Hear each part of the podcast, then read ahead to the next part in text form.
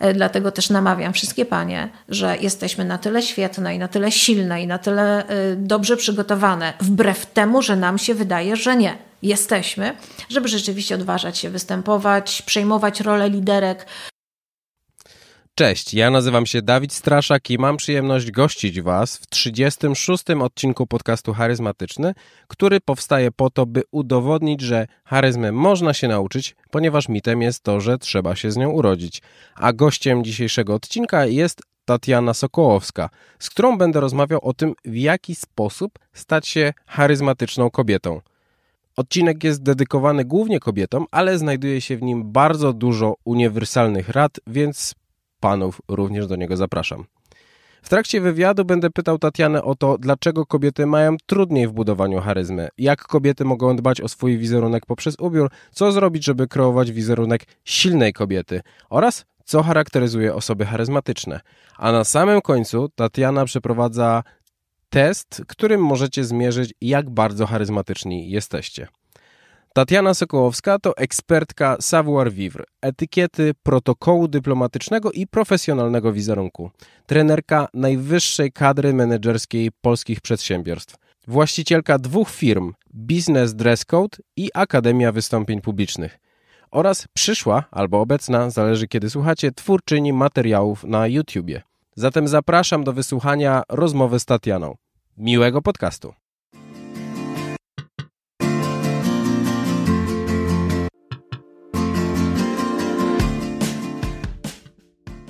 Tatiana, witam cię serdecznie w podcaście charyzmatycznym. Bardzo mi miło, że, że wpadłaś, zwłaszcza, że temat, o którym chciałbym z tobą porozmawiać, czyli w jaki sposób e, kobiety mogą pracować nad swoją charyzmą, jest no, praktycznie niezagospodarowany. Nikt o tym nie mówi, więc bardzo się cieszę, że, że będziemy mogli o tym dzisiaj porozmawiać.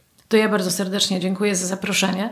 Przyjechałam tutaj do Ciebie z Poznania, mhm. do pięknego Wrocławia. To była piękna przygoda. Bardzo serdecznie dziękuję, że będziemy mogli dzisiaj na ten temat porozmawiać, bo rzeczywiście kobiety mają trudniej, jeżeli chodzi o to, w jaki sposób budować swoją charyzmę i w jaki sposób być postrzeganym, postrzeganą jako osoba charyzmatyczna, ale żeby nie przesadzić. Tak, to jest temat, o którym naprawdę warto porozmawiać. Mhm. A dlaczego mają trudniej? To jest e, taka sytuacja, że w momencie, kiedy mężczyzna na przykład otrzymuje awans, jest przedstawiany grupie e, swoich e, współpracowników i mówi się, że to jest teraz ich dyrektor, albo jest to osoba z zewnątrz, która przychodzi, zostaje w taki sposób przedstawiona, grupa zazwyczaj mówi: Dobrze, to jest nasz dyrektor. Natomiast jeżeli w takiej samej sytuacji postawiona jest kobieta, zazwyczaj postawiona jest też w takim momencie swojej kariery, że ona musi tym osobom udowodnić, że to mhm. ona właśnie e, jest godna, żeby to stanowisko objąć. Tak więc e, kobieta teoretycznie ma tak samo, tylko bardziej, a więc trudniej. Okej, okay, to mam nadzieję, że jeszcze będziemy mogli wrócić do tego w trakcie rozmowy, żeby zastanowić się, jak to trudniej przekuć w coś, znaczy jak pracować nad tym trudniej i w jaki sposób szybciej e, nawiązywać więź z ludźmi, czy przekonywać ich do tego, że, że my jesteśmy odpowiednią osobą na odpowiednim stanowisku. Jasne, jasne. Ja bardzo często prowadzę właśnie takie mm, szkolenia, nie tylko zresztą dla kobiet, ale, ale grupy kobiece też są, albo wśród osób, które e, które przekonuje do tego, że charyzmy można się nauczyć, są też kobiety. I okazuje się, że mm, Panie mają e, taką, mm, taką cechę, że nawet jeżeli są charyzmatyczne, to nie do końca zdają sobie z tego sprawę. To jedno. A drugie, mm, bardzo często jest tak, że y, są wyposażone przez naturę w bardzo wiele charyzmatycznych cech, mhm. ale one są gdzieś pochowane. E, w procesie socjalizacji jesteśmy, zresztą mężczyźni również, ale mam wrażenie kobiety troszeczkę bardziej, jesteśmy uczeni poddawania się autorytetom od e, rodziców przez, przez panią w przedszkolu, w szkole i tak dalej. I w związku z tym panie bardzo często na tych zajęciach orientują się, że one to mają. Że one to mają, że wystarczy tylko e, odpowiednimi technikami, metodami znaleźć to w sobie i wydobyć to po prostu na światło dzienne to powinniśmy od tego zacząć całą dyskusję, mhm. żeby spróbować zdefiniować, czym jest ta charyzma. Ho, ho. No tak, i to jest chyba najtrudniejsze pytanie, jakie można komuś zadać. Mhm. Doskonale zapewne wiesz, że Max Weber już próbował określić to, czym jest charyzma, a potem przez swoich e, no, krytyków albo osoby, które próbowały opisać e, metodę i, i przedmiot badań e, Webera, no, mówiły, że on się zajmuje czymś tak naprawdę, czym nauka na, na, zajmować się nie powinna, bo to jest po prostu niedookreślone. Mhm. Zatem ja tak kiedyś zadałam sobie taki trud, żeby to dookreślić, no bo tak sobie pomyślałam, że skoro chcemy się czegoś nauczyć, skoro przychodzimy na jakieś zajęcia, to znaczy, że, czym, że mamy taką potrzebę lub ochotę, być charyzmatyczni. No dobrze, no ale właśnie, cóż to znaczy? Jakie cechy e, sprawiają, że osoba, z którą się spotykamy, e, jest właśnie charyzmatyczna? Bo jeżeli tego nie dookreślimy, no to nie będziemy mieli e, możliwości uzupełnienia tych właśnie elementów. No i wypisałam 100. 100 takich cech, e, które właśnie taka osoba charyzmatyczna mieć powinna. One i y, po spisaniu tych wszystkich cech i skonfrontowaniu ich z osobami, z którymi e, rozmawiałam na ten temat, okazało się, że tak, ze wszystkimi się e, ci, ci, te, te osoby zgadzały. Okazało się, że jest to rzeczywiście zbiór, no ale jeszcze okazało się nie do końca pełen. Także myślę, że dzisiaj możemy bardzo wiele wątków poruszyć w tej sprawie. Mhm. Czym jest charyzma? Charyzma mm, myślę, że jest, e, tak jak mm, wiemy i wielokrotnie już o tym mówiłeś, jest czymś wrodzonym. Na pewno czasami jest tak, że ludzie, którzy mają tę charyzmę, nawet nie wiedzą, że to się tak nazywa. Po prostu pociągają za sobą ludzi, tłumy, ludzie ich słuchają, oni roztaczają wokół siebie pewnego rodzaju e, mm, urok, czar, który pociąga i przyciąga do nich ludzi mm, i oni o tym nie wiedzą.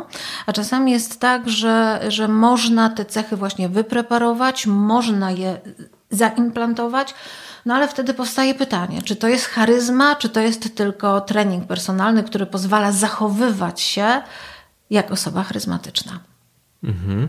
I co, tym, co ty o tym myślisz? Bo ja zaraz ci powiem, jaka jest moja taka teoria dotycząca ludzi, którzy urodzili się z charyzmą. Mhm. Albo może od tego zacznijmy. Mam wrażenie, że to jest często tak, że parę osób zwracało mi uwagę na to, że Dawid, nie do końca zgadzam się z tym, że charyzmy można się nauczyć, bo argument, jaki tutaj się pojawiał, to to, że nawet dzieci już są w stanie wywierać wpływ na innych ludzi. Więc zastanawiając się, y, skąd to się bierze, że już w przedszkolu czy, czy w, w kiedy mamy takiego kilkuletniego brzdąca, on już jest w stanie wywierać wpływ na innych. Ja mam czasami wrażenie, że on po prostu szybciej uczy się, co może działać na innych i wykorzystuje to po prostu częściej. Czyli widzi, że w momencie, kiedy, kiedy dotknie Kasię, e, to jest większe prawdopodobieństwo, że da mu zabawkę, więc po prostu robi to częściej. I mam wrażenie, że to czasami jest tak, że po prostu to jest cało nauka przez całe życie tej charyzmy, która powoduje, że, że ktoś po prostu już z wielkim bagażem doświadczenia e, w taką dorosłość i czasami nawet w świat biznesowy e, z nią wchodzi. Jasne, to, to, to na pewno. Doskonale też wiemy, że jeżeli zastanawiamy się nad tym, w jaki sposób oceniamy jakiegoś e, człowieka, z którym się spotykamy, jego cechy charakteru i sposób zachowania, to okazuje się, że to jest pewien konglomerat cech wrodzonych i mm, tego, w jaki sposób został wychowana, więc cech nabytych. Tutaj rzeczywiście może to być tak, że e, nasz przysłowiowy e, Jasiu, gdyby miał może innych rodziców i inne przedszkole, nigdy w życiu by tego w sobie nie odkrył. A może się okazać, że gdyby to był Jasiu, ale inny Jasiu, to nawet gdyby dostał te wszystkie informacje, nie potrafiłby z nich odpowiednio skorzystać, prawda? Mhm. Więc e, no, tematyka, którą się zajmujesz, a dzisiaj o niej rozmawiamy, nie jest taka oczywista. Ja też sobie tak pomyślałam, że E, osoba, która bardzo często przedstawiana jest jako osoba charyzmatyczna w różnego rodzaju opracowaniach, książkach e, Adolf Hitler prawda? E, w momencie, kiedy mm, okaże się i przy, przeczytamy coś na ten temat, w jaki sposób on y, stał się tym, kim, kim się stał, okazuje się, że wcale nie był taki charyzmatyczny z natury, że osoby, które zauważyły pewien, pewne jego predyspozycje, po prostu nad nim mocno pracowały, a jego sposób y, występowania, który wydaje się nam dzisiaj być oczywistym i takim naturalnym i takim po prostu adolfowym, wcale takim nie był. On był po prostu pewnego rodzaju produktem. E, ja na przykład bardzo mm, lubię oglądać jego filmy, znaczy filmy z nim, kiedy te filmy są e, niereżyserowane. E, jego żona nagrywała bardzo często filmy w sytuacjach prywatnych, i tam się okazuje, że ten człowiek w ogóle nie zachowuje się tak jak w sytuacjach publicznych, kiedy okazuje się, że jest wręcz zagubionym małym człowiekiem. No ale jak widać, można. Rzeczywiście mhm. można wypracować sobie taki przycisk, który uwalnia w nas w sytuacjach ekspozycji społecznej pewnego rodzaju sposób zachowania i bycia, który powoduje, że potem przez setki lat, no bo to już e, za chwilę tyle będzie, ludzie wymieniają nas jako osoby charyzmatyczne. Mhm. I czasami właśnie często spotykam się z tym, że, że bańka pęka e, osoby charyzmatycznej, bo okazuje się, że kurczę, facet był na scenie i był mnie w stanie porwać, ale w momencie, kiedy rozmawiałem z nim podczas przerwy kawowej, no to okazało się, że nie był ani zainteresowany rozmową ze mną, mhm. albo wręcz był bardzo nudny. Y, no i, i, gdzie ta cała charyzma się podziała tak naprawdę? No właśnie, bo jedną z tych charyzmy, y, którą, którą się wymienia, to jest właśnie umiejętność skupienia się na człowieku, na osobie, z którą rozmawiamy, poświęcenia mhm. jej całej swojej uwagi, całego swojego zainteresowania, bycia całemu, czy nie wiem, czy to się mówi bycia całemu, tak, chyba tak, w tej, w tej rozmowie, mhm. koniec końców, e, żeby ta osoba, z którą rozmawiamy, poczuła się najważniejsza na świecie, bo to wbrew temu, co się wielu wydaje, to jest właśnie jeden z bardzo ważnych elementów charyzmy, żeby e, osoba, z którą rozmawiamy, poczuła się wyjątkowo. Szczególnie w tych czasach, kiedy tak mało uwagi poświęcamy drugiej osobie, to e, kiedy damy komuś rzeczywiście chwilę uwagi, mhm. pokocha nas ta osoba na całe życie i odda bardzo wiele, żeby znów po raz kolejny móc się z nami spotkać i znów poczuć się jako osoba ważna. Mhm. Czyli z jednej strony mamy to poświęcanie uwagi jako coś, nad czym kobiety mogłyby pracować, żeby stawać się bardziej charyzmatyczne. A czy poradziłabyś im coś jeszcze, nad czym mogłyby pracować, żeby być jako charyzmatyczne postrzegane? My na przykład bardzo dużo czasu poświęcamy na, na, na zajęciach tak banalnej sprawie jak podanie dłoni. Mhm. Aha. Tak, e, bardzo e, jest to zaskakujące dla wszystkich, jak nigdy nie zastanawiali się świadomie, jakie robią pierwsze wrażenie właśnie podając rękę. Mhm.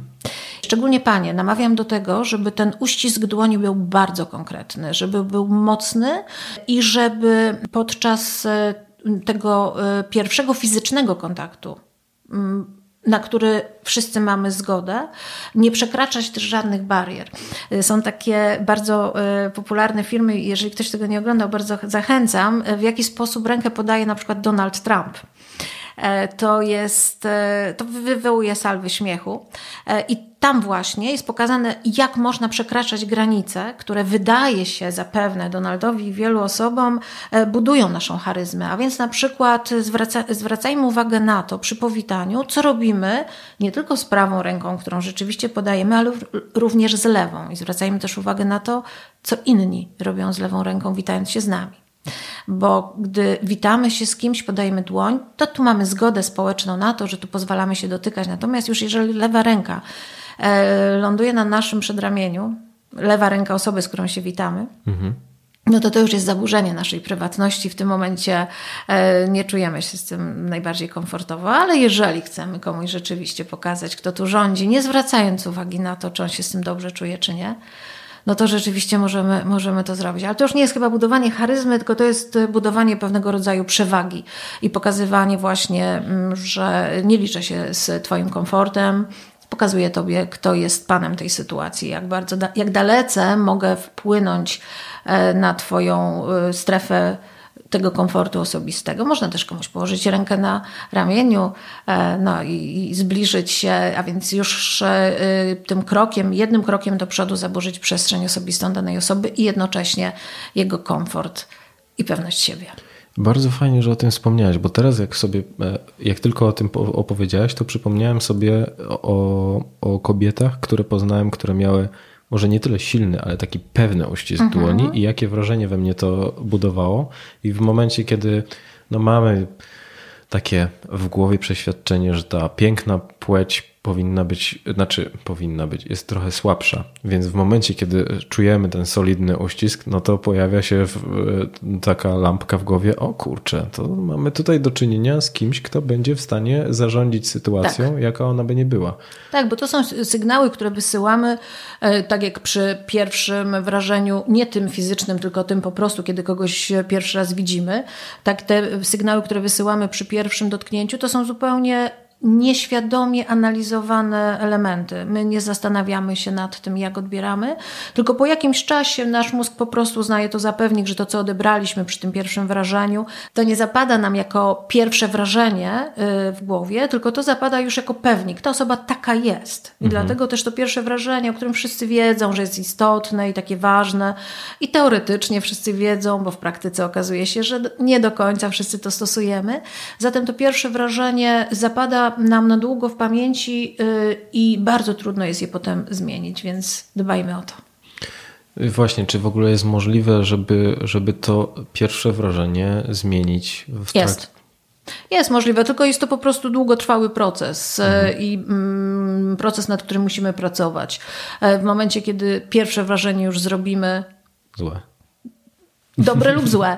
E, ale jeżeli zrobimy je rzeczywiście dobre, to już w tym momencie mamy pewnego rodzaju handicap na, na, na długi okres po to, żeby to pierwsze wrażenie tylko rzeczywiście potwierdzać kolejnymi naszymi działaniami. Czyli to jest po prostu taka, nie robić sobie pod górkę, bo w momencie, kiedy zrobimy dobre pierwsze wrażenie, no to po prostu będziemy mieli łatwiej. Tak po można... prostu, tak. Banalne, oczywiste, e, rzadko stosowane. Kurczę, no to nie mogłoby być inaczej, niżeli e, kolejne pytanie, które chciałbym zadać, to w jaki sposób przynajmniej jedna czy dwie rzeczy, nad którymi możemy popracować, żeby wywierać to dobre pierwsze wrażenie?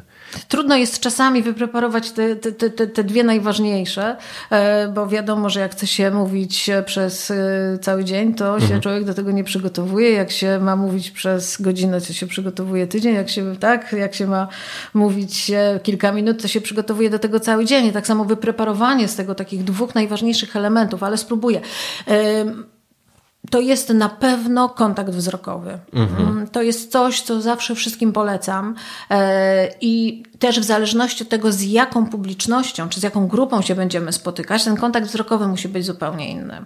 Bo duża grupa, konferencja, występujemy publicznie i teraz e, mamy do zreferowania bardzo ważną dla nas rzecz. Chcemy przekonać publiczność do tego, żeby coś zrobiła, albo czegoś nie robiła, albo do jakiejś idei chcemy ją przekonać to znów wydawałoby się oczywiste, ale y, obserwując bardzo wiele osób, które występują publicznie, chcąc yy, przekazać swoją myśl, biorą kartkę i czytają, albo, albo nawet jeżeli nie czytają, nauczą się, nie patrzą na publiczność. E, a to jest istotne, ponieważ w momencie, kiedy mamy bardzo dużo osób, na które mm, powinniśmy tak czy inaczej spoglądać, nie jesteśmy w stanie spojrzeć rzeczywiście na, na każdą osobę z osobna, należy podzielić tę salę na przykład na trzy grup, na trzy fragmenty i w tym momencie spojrzeć raz po raz na którąś z tych części publiczności, co powoduje, że osoby myślą, że to właśnie na nich patrzymy. Można zrobić sobie taki eksperyment, stanąć w pewnej odległości od jakiejś grupy osób, popatrzeć na jedną i o co się poprosić. Mhm. I osoby wokół zazwyczaj mówią: Ja czy ja? Tak, to jest tak, że patrząc w jeden punkt, robimy wrażenie, że patrzymy na jedną osobę i ta osoba czuje się wyjątkowo, bo myślę, że to właśnie do niej mówimy. Jeżeli mamy grupę, załóżmy 20 osób, i to jest prezentacja handlowa, którą musimy wykonać, a bardzo często to robimy, że mówimy do mniejszych grup, bo mamy swoją firmę, bo mamy produkt do, do zaprezentowania, to wtedy każdej osobie w oczy należy spojrzeć raz jednej, raz drugiej poświęcić też każdej osobie trochę uwagi. Natomiast jeżeli tak jak my dzisiaj mamy przyjemność rozmawiać po prostu e, w jeden na jeden, to raz po raz musimy spojrzeć sobie w oczy, żeby ta osoba poczuła się ważna. Ale w momencie, kiedy procent spojrzenia w oczy będzie większy niż 70, to osoba, na którą patrzymy, poczuje się niekomfortowo, mm -hmm. poczuje się zagrożona. Czyli nie, nie wlepiać wzroku po prostu w drugą tak, osobę. Tak, tak, tak. Czasami handlowców e, uczą, że patrz w oczy ale nie nadmiernie. Natomiast też ważne, że jeżeli e, nie mm, zadbamy o to, żeby ten kontakt był e, na tyle intensywny, żeby był. Natomiast istotna rzecz, żeby nie patrzeć mniej niż 30% e, w oczy osobie, z którą rozmawiamy, bo wtedy na pewno nie będzie szansy na żaden dobry kontakt i na to, żebyśmy, e, żeby ta osoba, z którą rozmawiamy, nam zaufała. Mhm. Czyli z jednej strony mamy, mamy kontakt wzrokowy, a druga rzecz? A druga rzecz to sposób ubrania. E, to jest też coś, co mm, nie zawsze wydaje się być e, przez e, ludzi doceniane. Mm, wychowano nas w takiej myśli, że to przecież nie szata czyni człowieka. Nie oceniaj książki po okładce. Na przykład. Jak bardzo wszyscy w tej chwili chcieliby się oburzyć, no to jednak tak. Jednak ta szata zdobi człowieka. Znamy wiele takich eksperymentów socjologicznych, które wskazywały na to, że bardziej ufamy ludziom, którzy są dobrze ubrani. To nie muszą być najlepsze garnitury, y, to musi być po prostu pewien kod. Każdy z nas ma w głowie pewnego rodzaju szufladę, w której przytrzymuje pewnego rodzaju kody. I teraz, jeżeli ja powiem, ktoś ważny, to zazwyczaj będzie to mężczyzna w garniturze. E, jeżeli ktoś, do kogo można mieć zaufanie, no to po, można podejrzewać, że będzie to lekarz w białym kitlu, prawda? No i, i, i w momencie, kiedy zastanowimy się, jakie chcemy wywołać to pierwsze wrażenie i jak chcemy charyzmatycznie na kogoś wpłynąć, to teraz musimy zastanowić się, jak się chcemy ubrać do tego zadania. E, wracając do tych eksperymentów, to na przykład wiadomo, że ktoś, kto jest ubrany w garnitur, e, szybciej uzyska odpowiedź na pytanie, przepraszam bardzo, w którą stronę mam iść tam, e, czy, czy, gdzie indziej na przykład. Mhm. I wtedy rzeczywiście ludzie bardzo chętnie odpowiadają. Okazuje się też, że częściej na przykład są skłonni pożyczyć drobną kwotę typu złotówkę takiej osobie dobrze ubranej. Też dobrze ubranej, dobrze wyglądającej osobie przypisujemy więcej cech niż z, tej, z tego sposobu ubrania wynika. Okazuje się, że to są osoby oceniane, za, e, e, oceniane jako bardziej e, wykształcone, mądrzejsze, życzliwsze, którym można zaufać. Także nie lekceważmy tego. Okazuje się też, że posiadanie dobrego samochodu, ale nie, nie namawiam do tego, broń Boże, powoduje, że mniej na nas trąbią na ulicy, nawet jeżeli się gdzieś zagapimy albo, albo skręcimy nie tam, gdzie trzeba, to wtedy możemy mieć mniejsze, mniejszą burę za to, ale, ale nie, nie, nie o tym rzeczywiście. Tak, wracając do, do, do ubrania. I w związku z tym chciałabym powiedzieć, że panie y, do niedawna były namawiane do tego, żeby ubierać się podobnie jak mężczyzna, więc granatowa marynarka, czy żakiet, spódnica lub spodnie, ubieraj się podobnie, będziesz wzbudzała y, podobne y, do mężczyzn poczucie, że jesteś kimś ważnym. Natomiast od kilku lat ta tendencja już się zmienia. Panie zaczynają ubierać się bardziej kobieco. Mm, te kolory, które uznawane są e, w męskiej modzie za te, które wzbudzają właśnie takie poczucie autorytetu i charyzmy wobec nich, to znaczy granaty i szarości, różnego rodzaju ciemne szarości. Też oczywiście jak najbardziej też polecam paniom, żeby, żeby, żeby to stosowały te kody, natomiast e, też takie kolory, mm, na przykład czerwienia, nie każda pani się będzie dobrze w tym czuła, ponieważ w momencie, kiedy jesteśmy ubrane w takim kolorze, a mamy mm, do czynienia na przykład z biznesem w męskim wydaniu, to jeżeli robimy sobie na przykład zdjęcie w takim gronie, to na pewno będzie tylko widać właśnie nas. Mhm. Dlatego też polecam, e, szczególnie panią na przykład w polityce albo w biznesie, w którym chcą się wyróżnić, żeby ubierały się właśnie w taki sposób. Na pewno na zdjęciu to właśnie będzie widać, że one są na tym spotkaniu, były na tym spotkaniu i w tym momencie mogą, e, mogą się wyróżnić, natomiast pod warunkiem, że rzeczywiście chcą.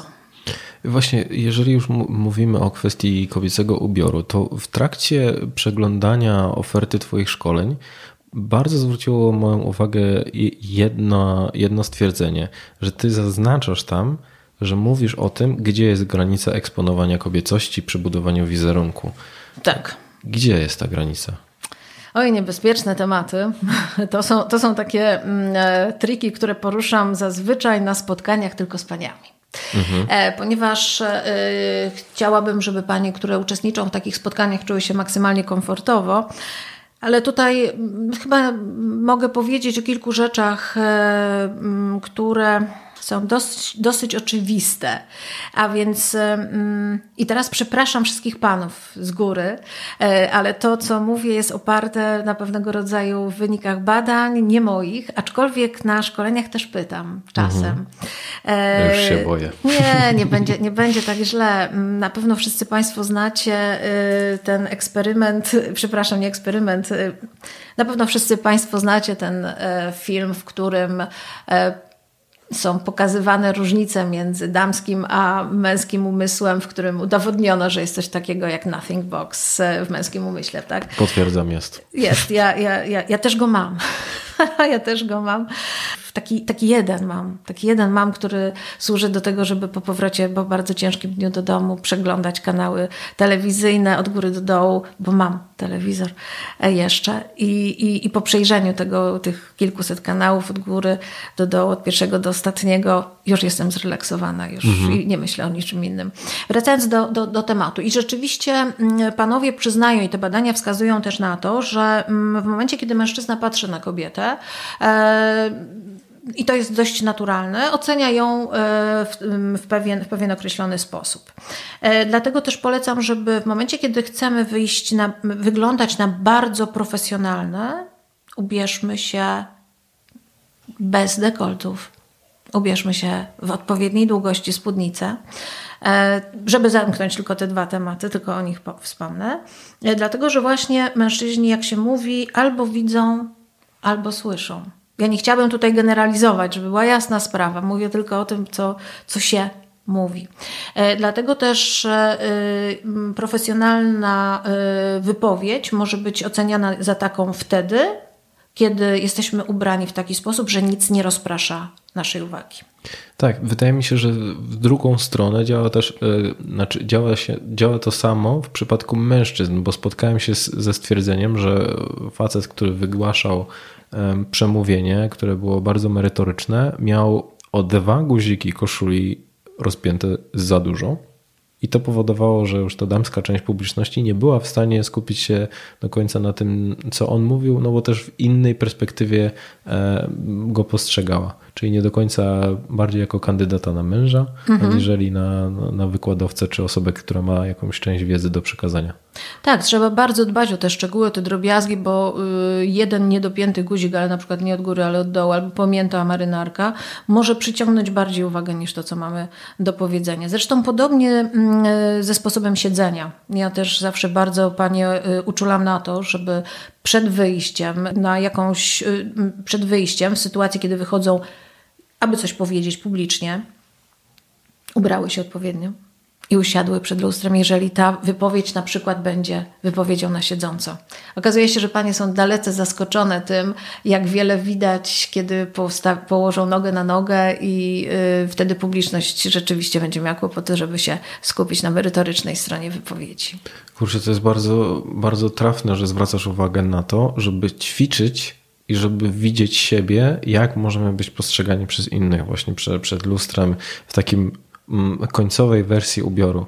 Bo często jest tak, że zauważyłem, że ludzie przy, przy ważnych wydarzeniach dla nich e, decydują się na jakiś odświętny strój, w którym nie zawsze pokazują się na co dzień, więc po pierwsze nie wiedzą, jak się będą w nim czuli, zwłaszcza, że jeżeli to będzie sytuacja stresowa, bo będą występować publicznie, albo będą po prostu rozmawiać z osobą, która jest na wysokim stanowisku, a z drugiej strony my nie do końca wiemy i to też e, w, jak, w jaki sposób będziemy wyglądać, w jaki sposób zarządzić tym strojem w momencie, kiedy będziemy siadać, stać, czy co w momencie, kiedy zaczną nam się trząść nogi, w momencie, kiedy będziemy na obcasach, a na nich nie chodzimy, nie, nie chodzimy e, w butach na obcasach na co dzień. Zresztą y, też robię takie szkolenia, jak chodzić w butach na obcasach. To jest y, bardzo y, oblegany też element szkolenia.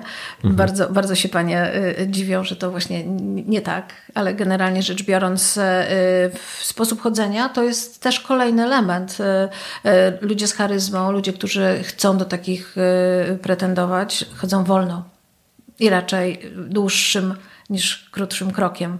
E, chociaż są odstępstwa od, od, od tej reguły, ale to są już ludzie, którzy nie muszą.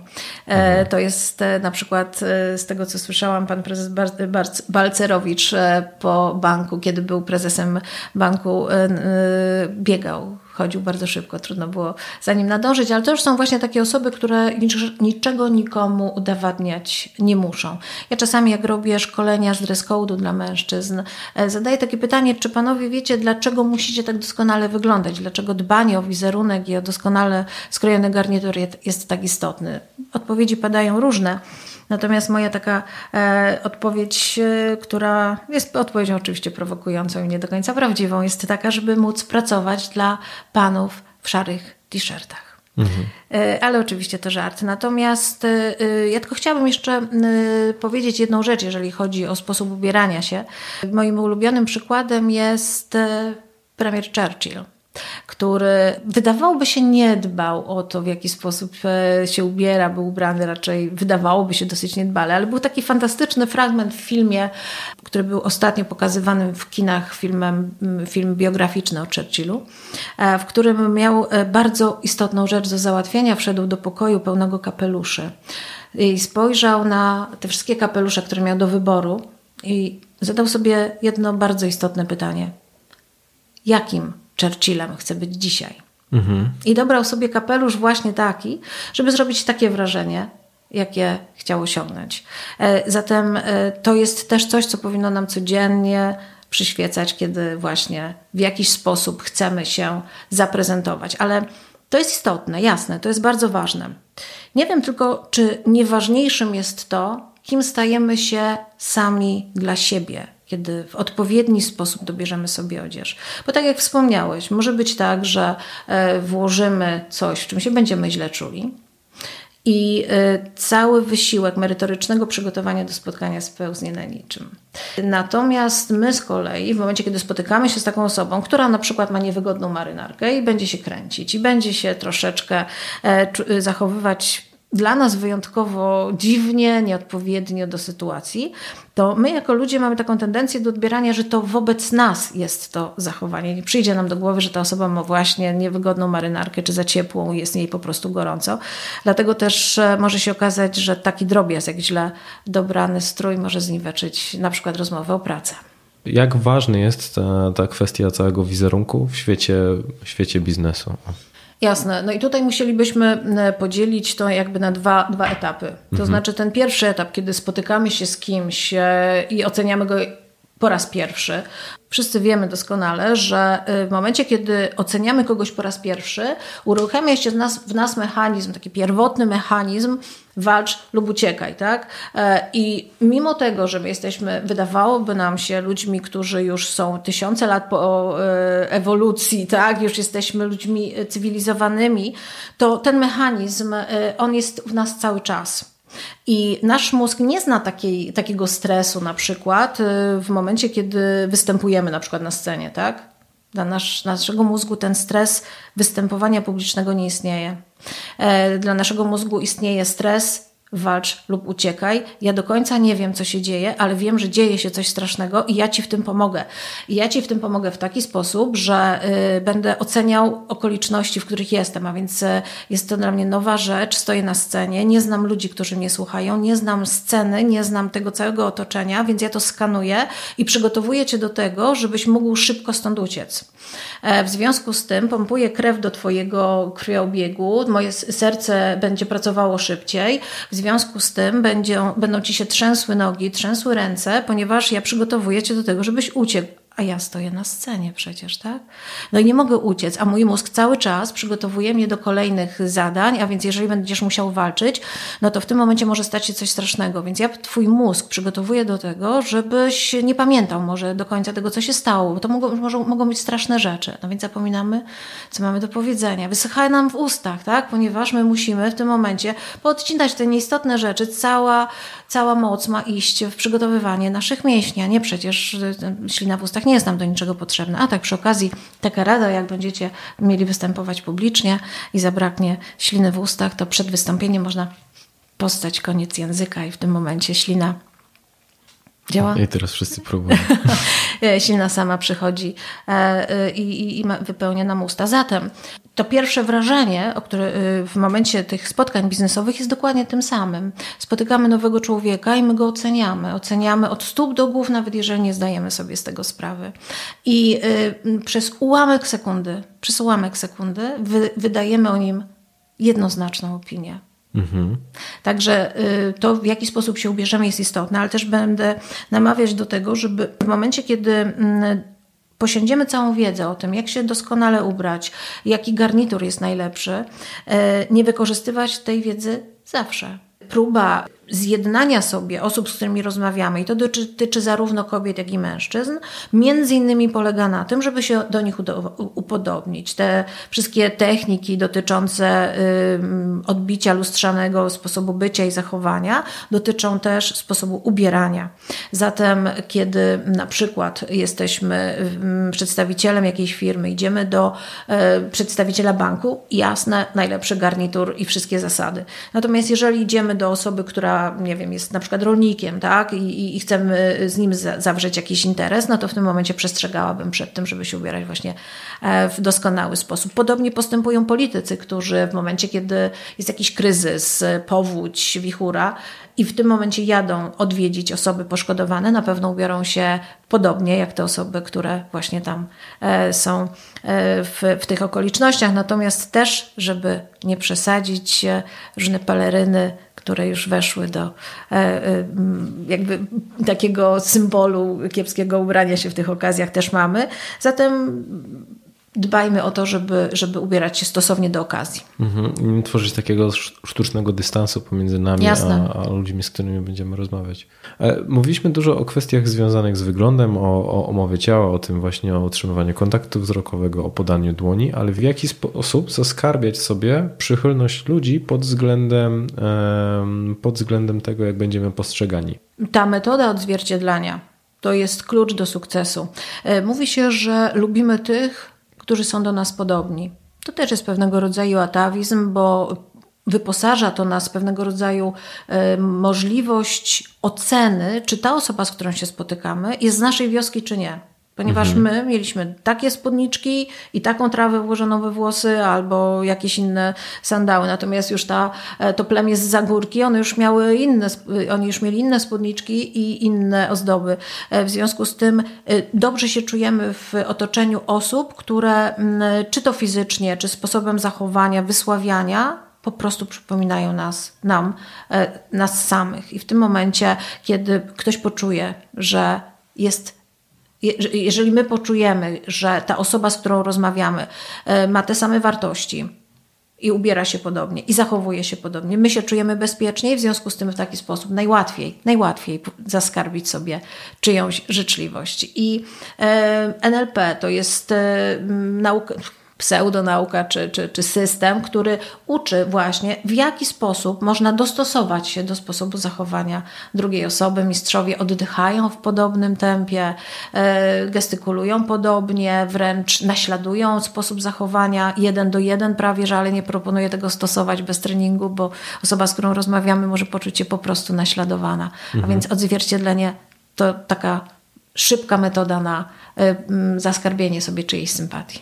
No i popatrz, z jednej strony mówiłaś o tym, żeby e, jak, jak to się powiela, ponieważ z jednej strony mówiłaś o tym, żeby prezentować swój ubiór, który jest zbliżony do, do osób, z, którym, z którymi rozmawiamy, a z drugiej strony samo odzwierciedlenie e, mowy ciała jakby idzie w tym samym kierunku. Jeszcze chciałem podpytać o kwestię tego, w jaki sposób wracając do, do początku naszej rozmowy, czyli kobieta, która pojawia się w, w nowym miejscu pracy, e, załóżmy, czyli, czyli awansuje, i ona musi udowodnić, że jakby jest odpowiednią kandydatką. I teraz, jeżeli miałabyś dać radę kobietom, co one mogą robić, żeby budować silny, wizer, silny wizerunek, e, to nad czym mogłyby pracować? To już wielokrotnie mówiliśmy o tych, o tych różnych elementach e, poprzez e, sposób ubierania się, sposób zachowania, sposób stania, sposób siedzenia, mhm. sposób chodzenia. To są, to są te elementy, które trzeba wszystkie złożyć, tak? bo mówmy się, że charyzmatycznym czy charyzmatyczną e, można być mając jakieś tylko cechy, albo je po kolei wszystkie, tak? I teraz y, należałoby zdefiniować, tak jak mówiliśmy na samym początku, te cechy. Ja może sobie wezmę taką ściągę. Wow. Tak, ja sobie tutaj przygotowałam właśnie te, te, te 100. Ja sobie to przyniosłem na dzisiaj. Super. No. Jako pierwsze wpisałam sobie, ale to nie znaczy, że najważniejsze, ale akurat jest jako pierwsze, że te osoby, które są charyzmatyczne, sprawiają, że ludzie przy nich czują się ważni. E, a więc e, nie, że to my jesteśmy ważni, ale te osoby, które z nami się kontaktują, mają się w taki sposób poczuć. A więc to, co mówiliśmy, taka kultura uwagi, którą e, kierujemy na osobę, z którą, z którą rozmawiamy. W związku z tym, jeżeli tak będzie, to ci ci ludzie będą obdarzać z kolei nas zaufaniem i będą znów nam poświęcać uwagę i będą starali się wykonywać wszystko, co będziemy im i właśnie tutaj nie kazali, ale wspólnie uzgadniali, co należy razem zrobić. E, I co istotne, to to, żeby mm, w momencie, kiedy mm, będziemy to robić razem z nimi, to te osoby poczują, że to, co jest do zrobienia, to nie jest tylko do wykonania przez pracowników, ale też przez kogoś, kto im to zlecił. E, w związku z tym znamy doskonale dwa rodzaje przywódców. Jedni krzyczą naprzód, a drudzy, drudzy krzyczą za mną. I ten drugi e, model przywództwa e, okazuje się być bardziej skutecznym, ponieważ ci wszyscy ludzie wiedzą, że mm, przywódca jest na czele, bierze na siebie odpowiedzialność za to, co się będzie działo, jednocześnie dzieli się ryzykiem, ale co istotne, te osoby wiedzą również to, że e, lider nie zostawi ich w połowie działania że będzie z nimi cały czas i że y, jeżeli coś się uda, to będą świętować razem, ale jeżeli coś się nie uda, też będą razem próbowali wyjść z tego, co się, co, co się stało.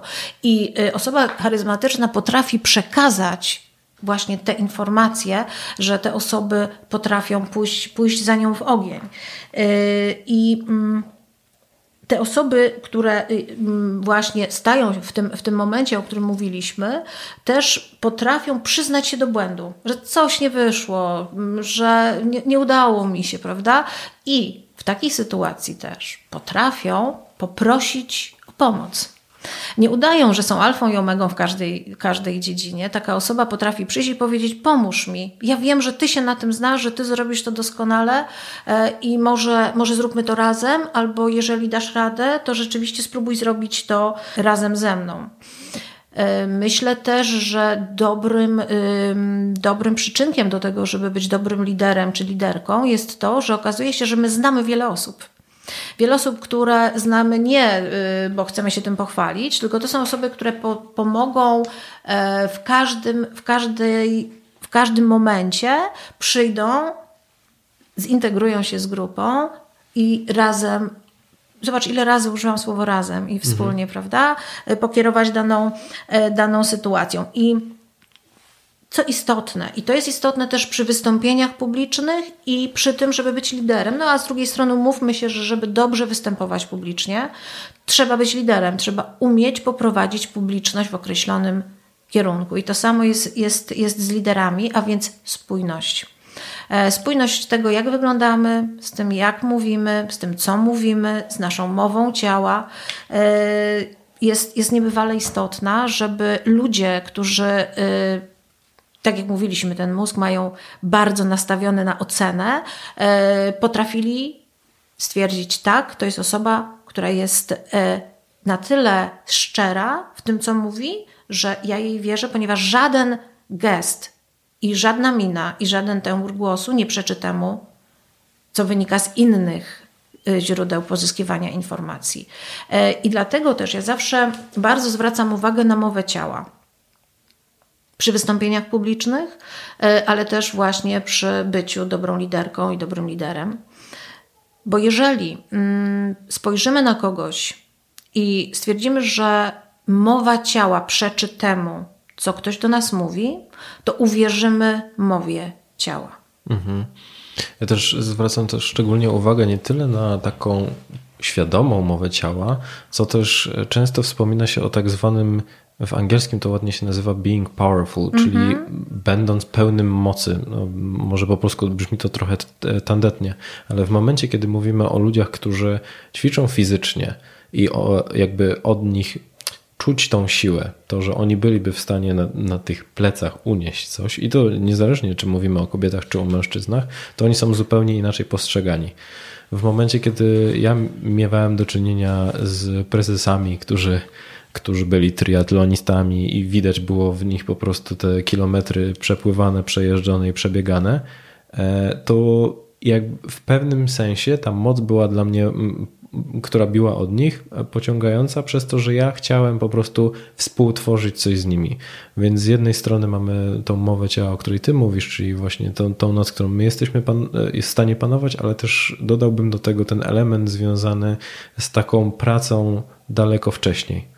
Okazuje się, najnowsze badania wskazują na to, że aktywność fizyczna pomaga właśnie na to, żeby y, pomaga właśnie w tym, żebyśmy byli aktywni również umysłowo e, i żebyśmy potrafili w odpowiedni sposób zarządzać myślą. Mhm. Y, w momencie, kiedy nie, nie, ruszamy się, nasze mózgi umierają. Mówią, no dobra, już nie ma aktywności fizycznej, to znaczy, że już mamy wszystko załatwione, już możemy sobie iść spać i nie musimy się, i nie musimy się w żaden sposób wysilać. E, ja bym chciała jeszcze jedną rzecz tutaj poruszyć, ponieważ mhm. E, e, cały czas rozmawiamy o tym takim pozytywnym aspekcie charyzmy i takim pozytywnym wydźwięku tego, że bycie charyzmatycznym jest czymś dobrym. No, jest. Generalnie, generalnie patrząc na to z tej strony, owszem, jest. Natomiast mm, w momencie, kiedy mm, jesteśmy takimi zupełnie naturalnymi y, charyzmatykami, kiedy rzeczywiście trochę się tego musimy pouczyć, kiedy włączymy do tego nazwijmy to trochę sztuczne metody zarządzania tłumem, tak? Nauczymy się odpowiedniej mowy ciała, odpowiedniego sposobu patrzenia, e, dostaniemy jeszcze na przykład do tego w pracy dobre stanowisko. Dobre stanowisko łączy się nam z gabinetem, e, z dobrym miejscem parkingowym, z tym samochodem, o którym mówiliśmy i tak dalej, i tak dalej. Ludzie e, taką charyzmą, taką przywódczą wiedzeni zaczną nam przytakiwać, zaczną, przestaną właściwie rzucać swoimi swoimi pomysłami, e, nie będą już tak odważni. Taka charyzma może nas zaprowadzić czasami na manowce, ponieważ okaże się, że nie ma już osób, które rzeczywiście pokażą nam, co się dzieje w firmie. E, nie ma osób, które będą na tyle odważne, żeby nam pokazać, że idziemy w złym kierunku. A więc mhm. E, uwaga również na ten aspekt bycia charyzmatyczną przywódczynią czy przywódcą. Tak, widziałem nawet badania, które jasno wskazują na moment taki kluczowy dla, dla charyzmatyków, w którym ludzie zaczynają odchodzić e, z, z, pracy czy z organizacji z tego względu, że podejmują decyzję, czy są w zgodzie z, e, z wartościami, które propaguje ta osoba charyzmatyczna. Jeżeli tak, zostają i działają dalej, no bo po prostu to jest super człowiek i za nim można iść w ogień, a z drugiej strony, jeżeli ktoś podważa to, no to to jest moment, w którym on zdaje sobie sprawę, że no, albo raczej on się nie zmieni, więc to ja powinienem zmienić organizację.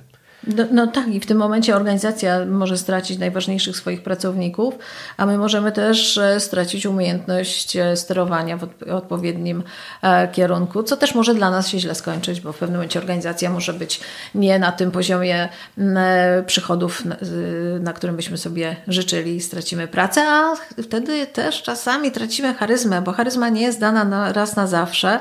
Taką charyzmę możemy, możemy stracić i, i w tym momencie okaże się, że ona rzeczywiście była tylko dana nam z zewnątrz poprzez właśnie na przykład stanowisko albo y, treningi, y, które nie do końca y, udało się zaimplementować tak naprawdę we własne cechy charakteru, tylko we własny sposób zachowania.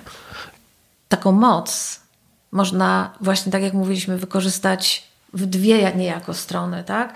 Bo charyzma bardzo często e, jest wykorzystywana przez osoby charyzmatyczne, i teraz już nieważne, czy nauczone tego, czy, czy, czy nie, e, w momentach kryzysu. Bo jeżeli na przykład mamy kryzys, czy to w kraju, czy to w przedsiębiorstwie, to w tym momencie osoba, która mm, potrafi pociągnąć za sobą tłumy, może wyprowadzić rzeczywiście taką mm, instytucję czy organizację na prostą, no ale czasami jest tak, że ten kryzys tworzony jest sztucznie.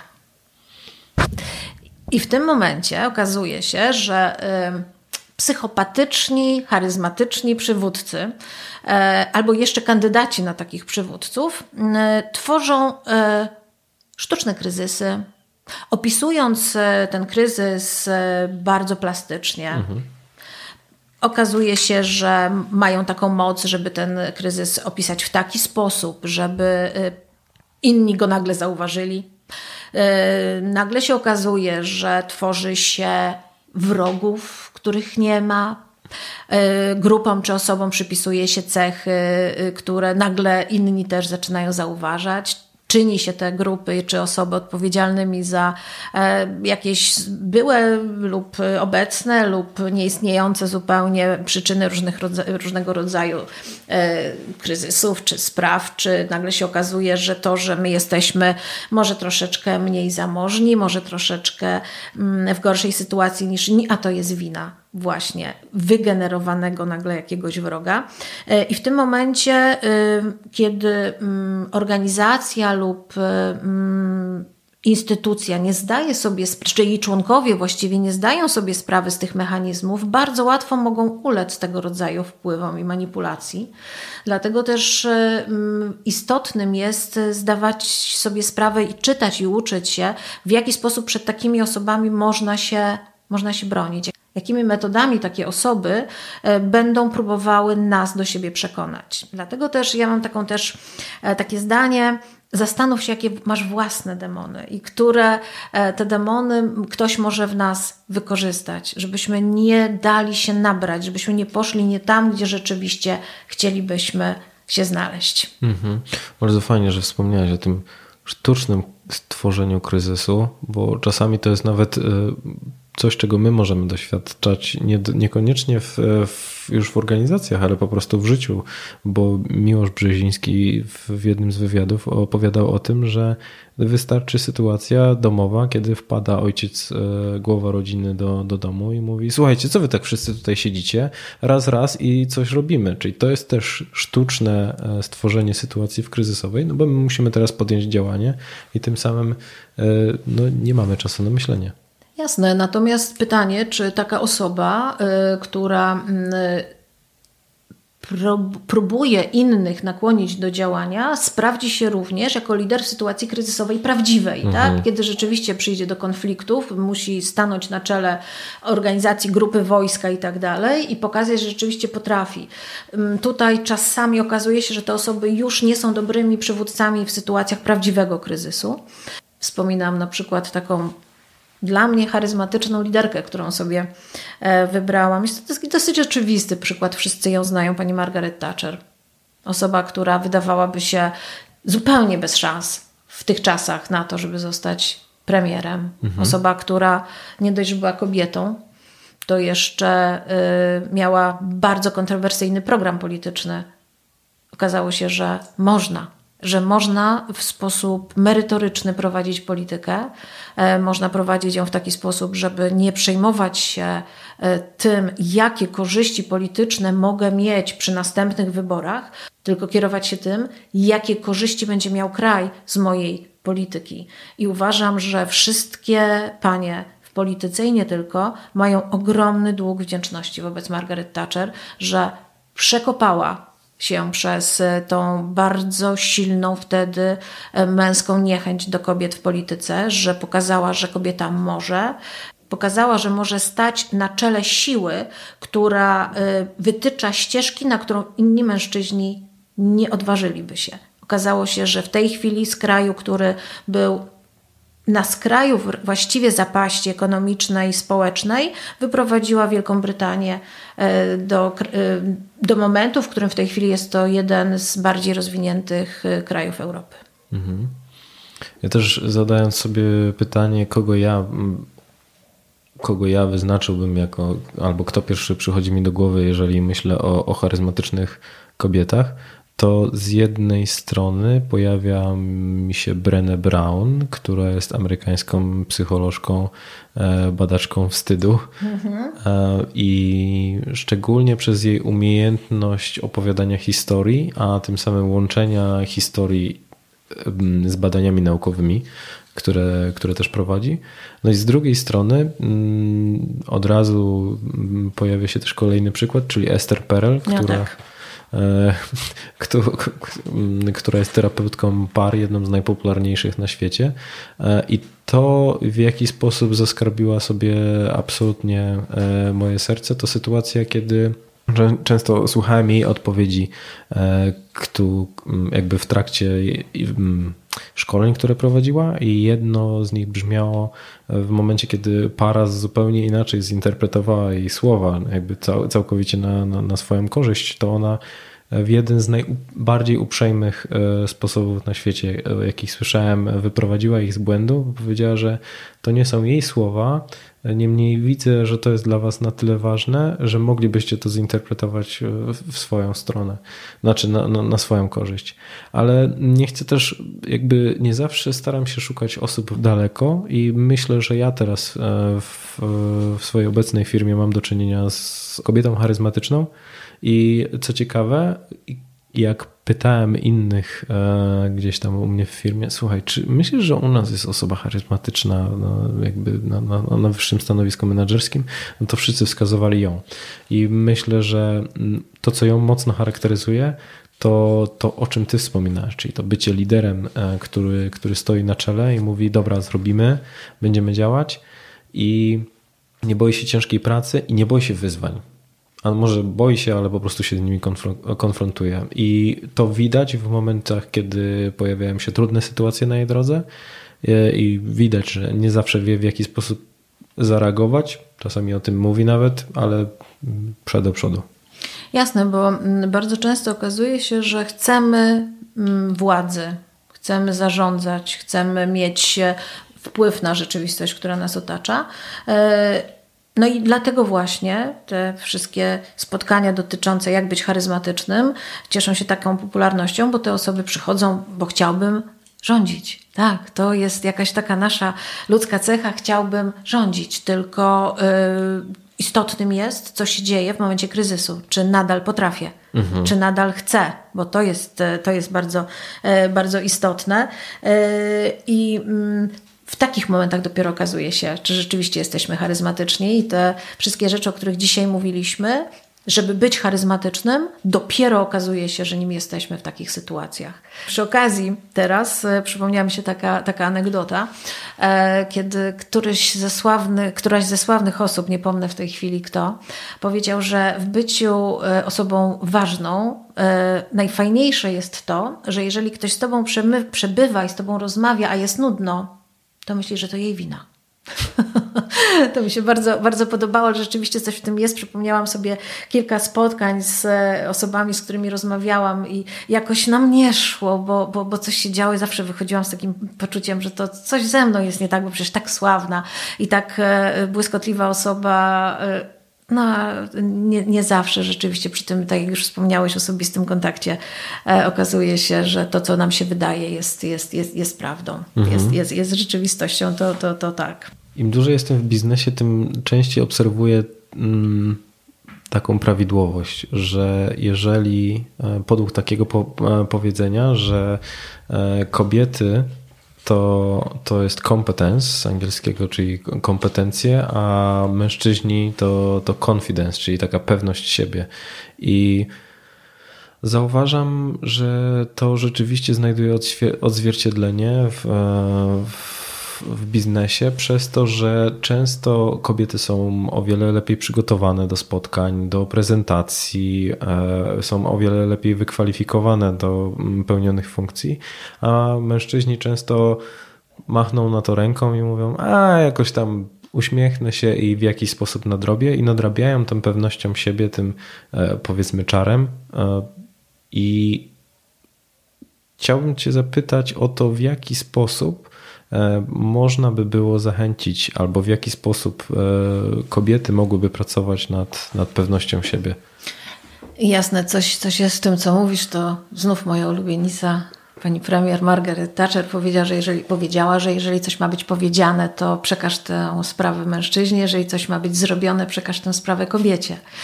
E, I rzeczywiście coś w tym jest. Ja może podzielę się taką anegdotą. Kiedyś rozmawiałam z pewnym politykiem, E, I w czasie naszej rozmowy odebrał telefon i mówi: Bardzo przepraszam, ale mówi: Słuchaj, muszę na chwilę wyjść, ponieważ e, zostałem poproszony, żeby udzielić wywiadu o sprawie, o której nie mam zielonego pojęcia.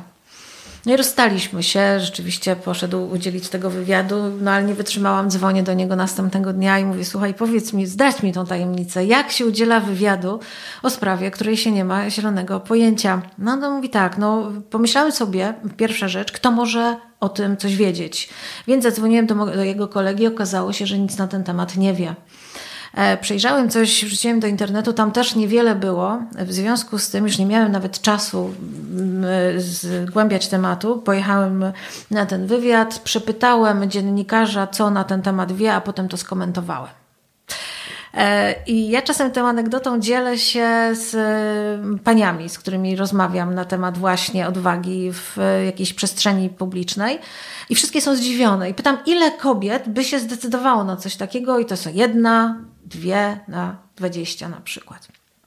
No i okazuje się, że e, co mnie cieszy, tych kobiet jest coraz więcej, które zdecydowałyby się na coś takiego. Ale oczywiście ja do tego nie namawiam, żeby, było, mhm. żeby była jasna sprawa.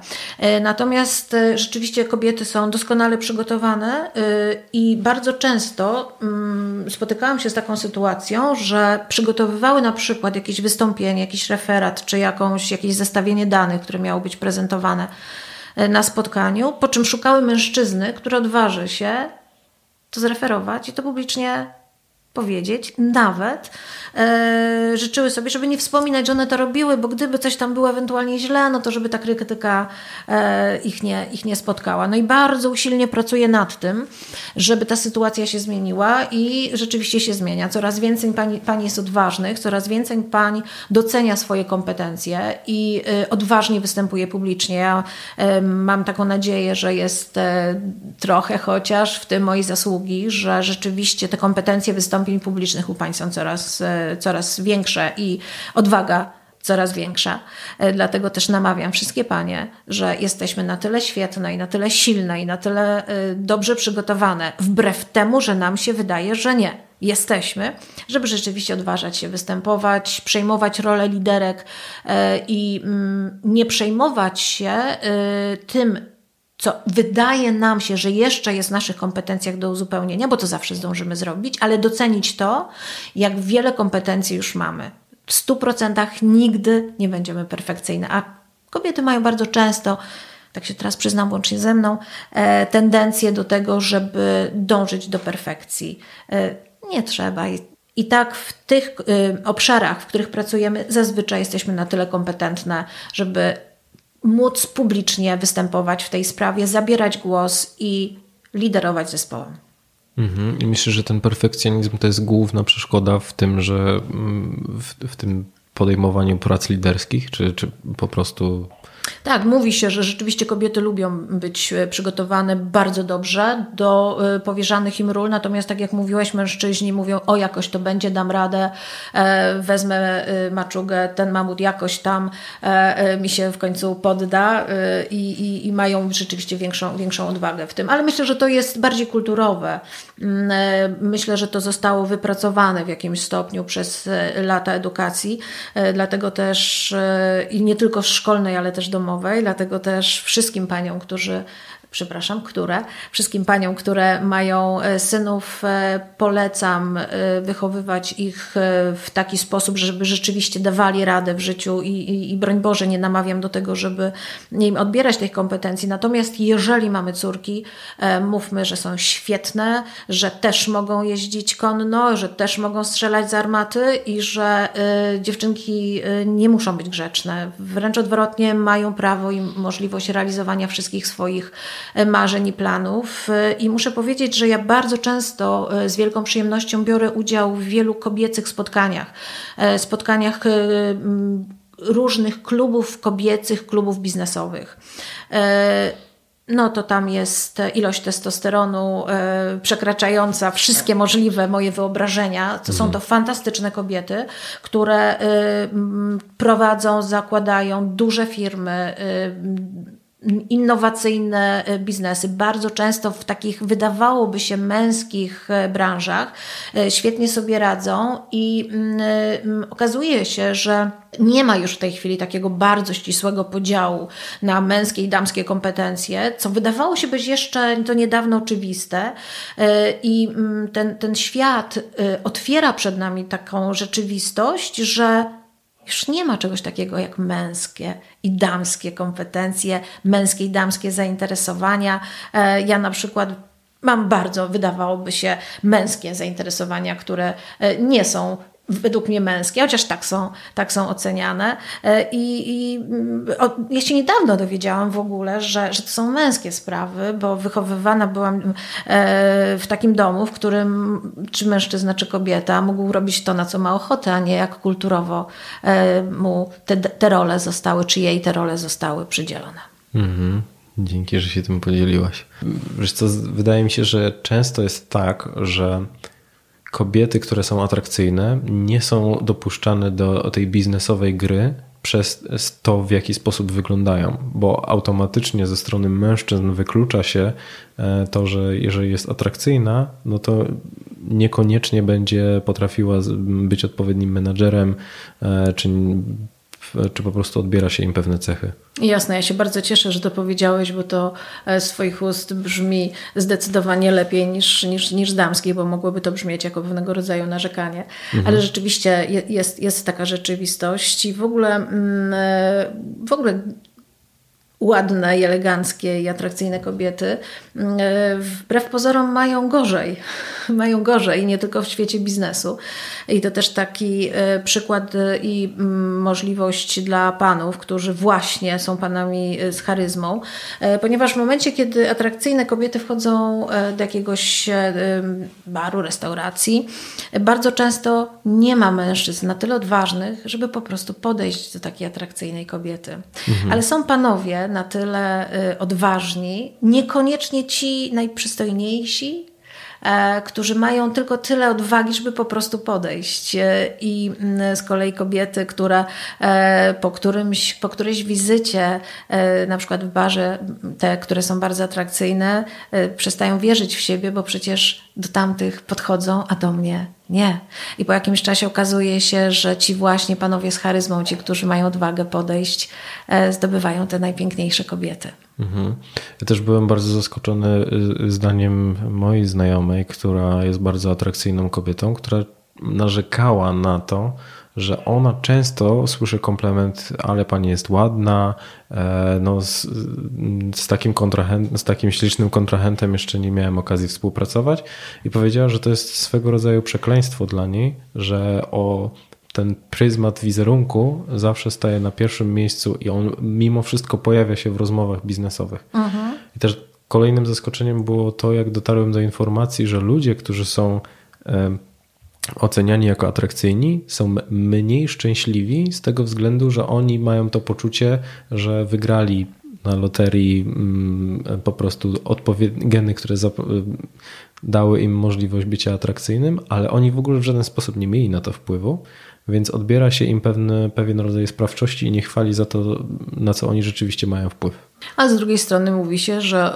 y, osoby atrakcyjne są z kolei przez innych y, podświadomie wyposażane w cechy, których zupełnie mogą nie mieć, prawda? Mhm. Że są też dobrzy y, i, i na przykład na salach sądowych okazuje się, że są częściej ułaskawiani czy skazywani na mniejsze kary, ponieważ sędziowie przypisują im zupełnie inne cechy charakteru niż mają, mają w rzeczywistości.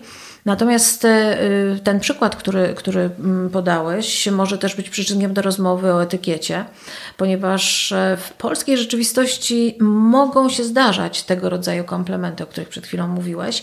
Natomiast e, uwaga, panowie, jeżeli spotykamy się szczególnie w Europie Zachodniej z kontrahentem i próbowalibyśmy tego rodzaju komplementu, interes na pewno nie doszedłby do skutku ponieważ jest to dalece nieakceptowalne w świecie zachodniego biznesu, żeby w jakikolwiek sposób poruszać różnice między płciami. Jest takie powiedzenie, że ani polityka, ani biznes nie rozróżnia płci, zatem e, bądźmy nieczuli, e, a na pewno nie podkreślajmy tego w tego rodzaju rozmowach. I gdyby, jeżeli na przykład e, przyjedzie do nas jakiś kontrahent z zagranicy mm, i będzie to na przykład kobieta albo e, jedną z osób, e, jedną z członkiń grupy będzie kobieta, no nie odsuwajmy jej raczej krzesła, no już na pewno nie całujmy e, w rękę i nie podkreślajmy e, tej różnicy, ponieważ e, jest to w zachodnim świecie zupełnie niedopuszczalne. Ja bym chciała jeszcze powiedzieć o jednej rzeczy, ponieważ wszyscy mm, staramy się być osobami charyzmatycznymi i wszyscy się zastanawiamy, czy tak na dobre nim jesteśmy. Owszem, można zapytać znajomych, na ile nas oceniają, no i tu pytanie, jak bardzo będą chcieli być rzeczywiście z nami szczerzy i powiedzieć nie, zupełnie nie. E, jaką, jaką możemy mieć na to radę? Mm, okazuje się, że można zrobić test test na charyzmę i można samemu siebie sprawdzić, czy rzeczywiście tacy, tacy jesteśmy. Ja nie biorę odpowiedzialności za to, czy ten test rzeczywiście mierzy nam e, poziom charyzmy, ale e, przygotowali to naukowcy z, uniwers z Uniwersytetu w Toronto. E, oni opublikowali to w gazecie, która wydawałoby się jeszcze raz. E, przygotowali to naukowcy z Uniwersytetu w Toronto, przebadali tysiąc osób, więc próba już jakaś jest. E, wyciągnęli z tego takie wnioski, że po odpowiedzi na kilka pytań można stwierdzić, czy jesteśmy charyzmatyczni. I w związku z tym y, chciałabym, żebyście Państwo przygotowali sobie teraz kartkę, długopis i y, spróbujemy y, zrobić sobie taki test. Tych pytań będzie raptem sześć i należy przygotować odpowiedzi na te pytania i mm, odpowiedzieć sobie, jak bardzo w skali od 1 do 5. Ja pozwolę sobie przeczytać teraz e, takie pytania mm, po kolei. Mm, pierwsze pytanie mm, brzmi: Jestem osobą, która zaznacza swoją obecność w pomieszczeniu, ma zdolność wpływania na ludzi, wie, jak przewodzić grupie, sprawia, że inni czują się przy niej swobodnie, często się uśmiecha i może dogadać się z każdym. I w zależności od tego, jak bardzo oceniamy się w tej skali, przyznajmy sobie odpowiednią ilość punktów e, od 1 e, do 5. E, należy potem, jak już wszystko mm, zliczymy, podsumować rzeczywiście te punkty i podzielić przez 6. W momencie, kiedy otrzymamy e, wynik, e, zastanówmy się, czy on jest zbliżony do e, wartości 3,7. To jest średnia, którą otrzymywały osoby z tego testu. No i to jest tak mniej więcej, no jestem nie do końca taką osobą charyzmatyczną. Wszystkie punkty, które uzyskamy powyżej, aż do 5, mogą świadczyć o tym, że nasza charyzma jest duża e, i że rzeczywiście jesteśmy osobami charyzmatycznymi. Zatem e, taki może troszeczkę e, zabawny, może nie do końca naukowy, ale jednakże test, który spowoduje, że możemy sobie sprawić przyjemność, kiedy będziemy mieli wynik bliżej pięciu. Mhm, to życzę wszystkim słuchaczom, żeby, żeby ten, ten wynik był jak najbardziej zbliżony do tej piątki. Mam ostatnie pytanie dotyczące tego, gdzie można znaleźć Ciebie w sieci. Ja zachęcam do y, odwiedzenia dwóch stron internetowych: Akademia Wystąpień Publicznych.pl. To jest strona, która służy temu, żeby pokazywać, co robimy, jeżeli chodzi o szkolenia właśnie w tym zakresie, kierowana do wszystkich tych, którzy chcą swoje kompetencje podnieść w występowaniu publicznym, w występowaniu w mediach, ale też jeżeli na przykład chcą się nauczyć, żeby dobrze przeprowadzić rozmowę o pracę, albo jeżeli mają małą firmę i chcą zaprezentować swoją ofertę nawet jednej osobie, to też się w tym momencie może do tego przydać. Tak, ja powiem, że byłem ogromnie zaskoczony, jakby dostosowaniem poziomu, czyli może takim zróżnicowaniem poziomu, który oferujesz od właśnie ludzi, którzy mają po prostu do czynienia z małymi grupami lub bezpośrednio tylko z jedną osobą, do wystąpień w mediach, w telewizji. No ja, ja byłem pod wielkim wrażeniem. Tak, tak, tak. Rzeczywiście y, robimy to na każdym poziomie i dla każdego odbiorcy i prywatnego i biznesowego No ale żeby z kolei uzupełnić te kompetencje występowania publicznego, no to też e, prowadzę drugą firmę businessdresscode.pl e, i tam z kolei można się dowiedzieć, w jaki sposób na przykład ubrać się na takie wystąpienie publiczne, e, ale też tę ofertę kierujemy do osób, które nic nie wiedzą na temat własnego wizerunku, jak go wykreować, jak go stworzyć. To są na przykład ludzie, którzy mają pierwszą rozmowę o pracę, którzy mają pierwsze wystąpienia publiczne, którzy, ale też ci, którzy na przykład prowadzą duże przedsiębiorstwa i chcą swoich pracowników wyposażyć w odpowiednie kompetencje. No ale jak wiemy, sam wizerunek nie wystarczy. Musimy też to uzupełnić o na przykład etykietę, a więc jak się przywitać, jak się przedstawić, jak e, wymienić się wizytówkami i tak dalej, i tak dalej, ale również jak na przykład e, prezes ma zarządzić e, swoimi pracownikami, kiedy przyjadą ludzie z zewnątrz, jak rozsadzić ich przy stole rozmów, jak potem przyjąć ich w restauracji. Też cały aspekt wszystkich trudnych tematów dotyczących protokołu dyplomatycznego obowiązującego w firmie, ale nie tylko, również w rozmowach międzynarodowych, co zrobić, jeżeli na przykład właśnie mam kontrakt międzynarodowy i nagle muszę rozmawiać z firmami zagranicznymi, ale też na przykład z ministerstwem, w jaki sposób połączyć te, te dwa światy. Też również jak e, być charyzmatycznym. Mhm. W jaki sposób e, postępować, żeby e, inni w taki sposób nas postrzegali, jak zarządzać własnym wizerunkiem pod tym kątem. I to są takie najważniejsze, najważniejsze obszary, w których pracujemy z ludźmi, którzy e, tłumnie nas odwiedzają i mam nadzieję, że będą cały czas korzystać z naszych usług. Super. No, dziękuję Ci bardzo, Tatiana. To była naprawdę kurczę, porywająca rozmowa. Ja, to bardzo, ja bardzo dużo, serdecznie dziękuję za zaproszenie. Bardzo dużo się od Ciebie dowiedziałem, więc no, dziękuję, dziękuję za wizytę jeszcze raz. Ja może y, zamknę tę naszą dzisiejszą rozmowę, to nasze dzisiejsze spotkanie znów wracając do pani premier, takim zdaniem, które ona mówiła, że y, i zawsze podkreślała, że z charyzmą to jest tak jak z, bycie, z byciem damą. Jeżeli musisz mówić, że jesteś osobą charyzmatyczną, to znaczy, że nią nie jesteś. Słuchajcie, nie wiem co się dzieje, ale ostatnio dostaję bardzo dużo pozytywnych wiadomości od y, słuchaczy podcastu, w jaki sposób y, podcasty wpłynęły na ich życie. To jest ogromnie miłe i no cóż, no bardzo mnie to cieszy i jeżeli ktokolwiek chciałby się odezwać, to chciałbym go ośmielić do tego, e, żeby to zrobił, bo mi bardzo miło jest czytać takie wiadomości. E, miałbym też do Was prośbę, jeżeli znaleźliście coś wartościowego w tym podcaście, to chciałbym, żebyście zastanowili się nad jedną osobą, która mogłaby wyciągnąć z tego odcinka coś dla siebie i wysłać do tej osoby. Dzięki temu ja będę docierał do coraz to większej ilości osób, a Wy być może zmienicie czyjeś życie na lepsze. Zapraszam też do tego, żebyście śledzili charyzmatycznego na bieżąco w social mediach, na LinkedIn, na Facebooku czy na Instagramie, a na stronie zaczęły się pojawiać transkrypcje większości odcinków, więc jeżeli ktoś nie chce słuchać, a czytać, to już można. No to wszystko z mojej strony. E, do usłyszenia w następnym odcinku. Dzięki wielkie, że jesteście. Cześć.